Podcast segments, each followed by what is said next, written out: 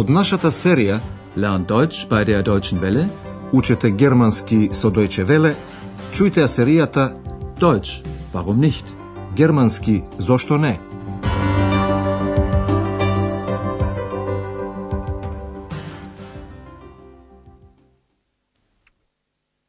Драги слушателки и слушатели, денес ќе ја слушнете лекцијата 22 од серијата 3. Насловот на лекцијата гласи Берлин Александарплац, Берлин Александарплац. Андреас, Екс и доктор Тюрман ја завршија нивната обиколка низ Берлин.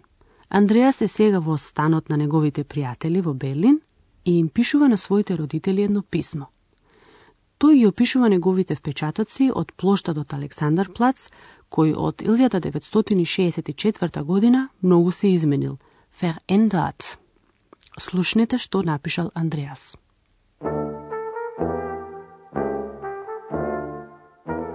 Liebe Eltern, heute war ich in Ostberlin, auf dem berühmten Alex. Schon von weitem sieht man den hohen Fernsehturm. 365 Meter ist er hoch. Ehrlich gesagt, ich war enttäuscht. Der Alex ist ein großer Platz. Groß und kolossal. Hm, aber ziemlich leer. Es fahren keine Autos. Nur ein paar Fußgänger laufen herum. Natürlich weiß ich, dass der Alex seit 1964 sehr verändert ist. Man hat damals viele Hochhäuser gebaut, zum Beispiel das Hotel Stadt Berlin. Es ist imposant und hässlich. Die anderen Hochhäuser übrigens auch. Direkt am Bahnhof Alexanderplatz ist das ganz anders. Ja, es gibt ihn noch, den alten Bahnhof. Und da ist alles voller Leben. Draußen sind viele Buden, man kann alles Mögliche kaufen, Kleidung, Geschirr, Obst, Gemüse, Essen. Wisst ihr, warum der Platz Alexanderplatz heißt? Nein? Aber ich. Als der russische Zar Alexander I. 1805 den König in Berlin besucht hat, hat man dem Platz den Namen Alexanderplatz gegeben. Слушнете уште еднаш повнимателно што напишал Андреас. Тој започнува со тоа што бил на славниот Алекс, auf dem berühmten Alex. Heute war ich in Ostberlin, auf dem berühmten Alex. Плоштадот лесно се наоѓа, бидејќи уште оддалеку се гледа телевизиската кула, Fernsehturm, која стои на Алекс. Кулата е висока 365 метри, повисока од Айфеловата кула во Париз, и таа е највисоката кула во Берлин. Андреас пишува. Уште оддалеку се гледа телевизиската кула висока 365 метри. Schon von weitem sieht man den hohen Fernsehturm. 365 Meter ist er hoch. Андреас очекувал многу повеќе од плоштадот, но тој пишува. Искрено кажано, јас се разочарав. Ehrlich gesagt, ich war enttäuscht. Андреас го опишува плоштадот. Алекс е голем плоштад, голем и колосален, но многу празен. Der Alex ist ein großer Platz. Groß und kolossal. Aber ziemlich leer. На плоштадот не возат автомобили, туку само неколку пешаци поминуваат. Es fahren keine Autos. Nur ein paar Fußgänger laufen herum. Андреас знае дека од 1964 година плоштадот многу се изменил. Natürlich weiß ich, dass der Alex seit 1964 sehr verändert ist. Тогаш беа изградени згради, хоххойса, кои го определуваат изгледот на плоштадот. Така, на пример, се изгради хотелот Штат Берлин, кој за Андреас е импозантен, импозант, но и грд, hässlich. Man hat damals viele Hochhäuser gebaut, zum Beispiel das Hotel Stadt Berlin. Es ist imposant und hässlich. И другите згради се исто така грди. Die anderen Hochhäuser übrigens auch. Александар Плац се вика и старата железничка станица која се уште постои. Таму Андреас гледа една многу поинаква слика. Direkt am Bahnhof Alexanderplatz ist das ganz anders. Ja, es gibt ihn noch, den alten Bahnhof. Андреас пишува. а таму е се полно со живот. Und da ist alles voller Leben. Кога од железничката станица ќе се дојде до улицата пред неа, може да се најдат многу киосци, буден, во кои може да се купи се и се што. Draußen sind viele Buden. Man kann alles Mögliche kaufen. Андреас објаснува зошто плоштадот се вика Александар Плац. Кога во 1805 година рускиот цар, Русиша цар, Александар I, го посетил тогашниот крал во Берлин, во негова чест овој плоштад бил наречен Александар Плац. Als der russische Zar Alexander I. 1805 den König in Berlin besucht hat, hat man dem Platz den Namen Alexanderplatz gegeben. Во вториот дел од неговото писмо, Андреас се обидува да си замисли каков бил Алекс порано, кога на вистина бил центар, мите, на Берлин. Тогаш животот се одвивал на улица. Имало многу улични трговци и многу кафеани. Слушнете го овој дел и сконцентрирајте се на прашањето. Што направил Андреас за да дознае повеќе за Алекс во тие времиња? Früher war der Alex wirklich die Mitte von Berlin. Neun Straßen trafen hier zusammen und überall waren Menschen. Sie waren auf den Straßen und verkauften dort ihre Waren. Zeitungen, Zigaretten, Kleidung, Kohlen, Holz. Sie waren in den Kneipen, tranken Bier und redeten. Sie arbeiteten hart. Woher ich das alles so genau weiß? Ich habe das Buch von Döblin gekauft, Berlin Alexanderplatz. Da geht es ja um einen einfachen Straßenhändler am Alex. Und der wollte vom Leben mehr haben als ein Butterbrot. Das kann man ja gut verstehen, oder? Heute Abend gehe ich in den Film Berlin Alexanderplatz von Fassbinder. Ihr seht, es geht mir gut. Alles Liebe, euer Andreas. За да дознае повеќе за поранешниот живот на Алекс, тој си ја купил познатата книга од Дублин, Берлин, Александарплац. Тој исто така ќе го гледа филмот снимен врз основа на таа книга. Слушнете го вториот дел уште еднаш поточно.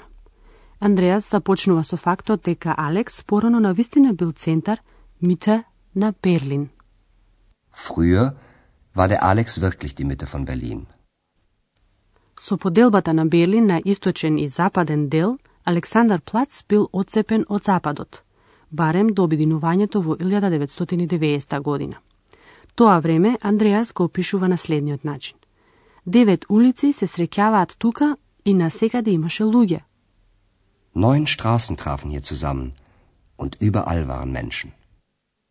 Луѓето беа на улиците и продаваа своите стоки, варен, како на пример дрво, Holz или јаглен, Kohlen.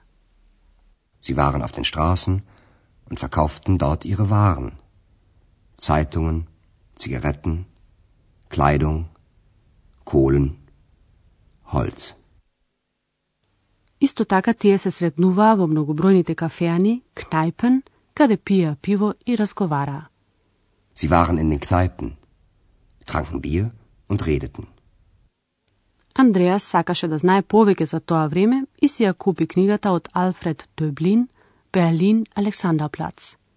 Ich habe das Buch von Döblin gekauft. Berlin Alexanderplatz. Алфред Дöblin, како лекар, живееше и работеше во овој дел од Берлин. Во 1933 година, неговите книги беа спалени од нацистите и тој требаше да емигрира. Книгата која излезе во 1929 година зборува за тешкиот живот на Алекс, преку примерот на еден обичен уличен продавач. Андреас пишува.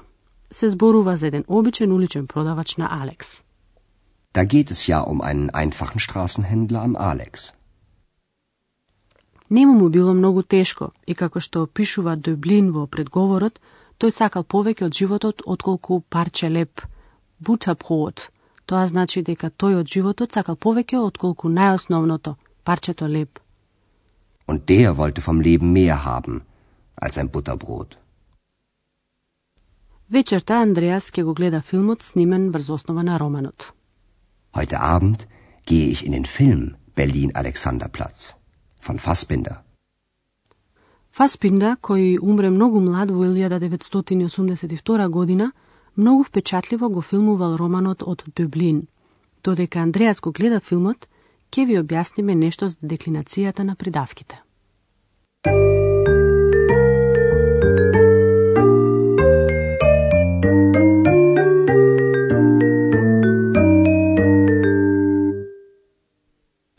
Придавките, кои стојат после именката, во германскиот јазик остануваат непроменети. Слушнете два примера со придавките стар, alt и голем, groß. Der Alexanderplatz ist alt. Der Alexanderplatz ist groß. Придавките кои стојат пред именките во германскиот јазик имаат наставки. Овие наставки се менуваат според членот што стои пред придавката, значи според родот на именката. Денес ќе ви ги објасниме придавките пред именките во машки род еднина. Alt. Der alte Bahnhof. Groß. Der große Platz. Russisch. Der russische Zar. По одредениот член во машки род, деа, придавката во номинатив добива наставка е. Russisch. Der russische Zar. Der russische Zar hat den König in Berlin besucht. По неодредениот член во машки род, ein, придавката во номинатив добива наставка er. Groß. Ein großer Platz. Der Alex ist ein großer Platz. По одредениот член во машки род, den, придавката во акузатив добива наставка en. Alt. Den alten Bahnhof. Es gibt ihn noch, den alten Bahnhof.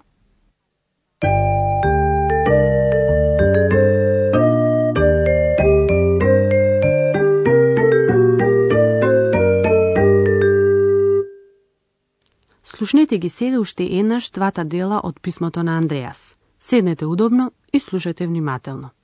Андреас најпрви пишува за денешниот Александар Плац.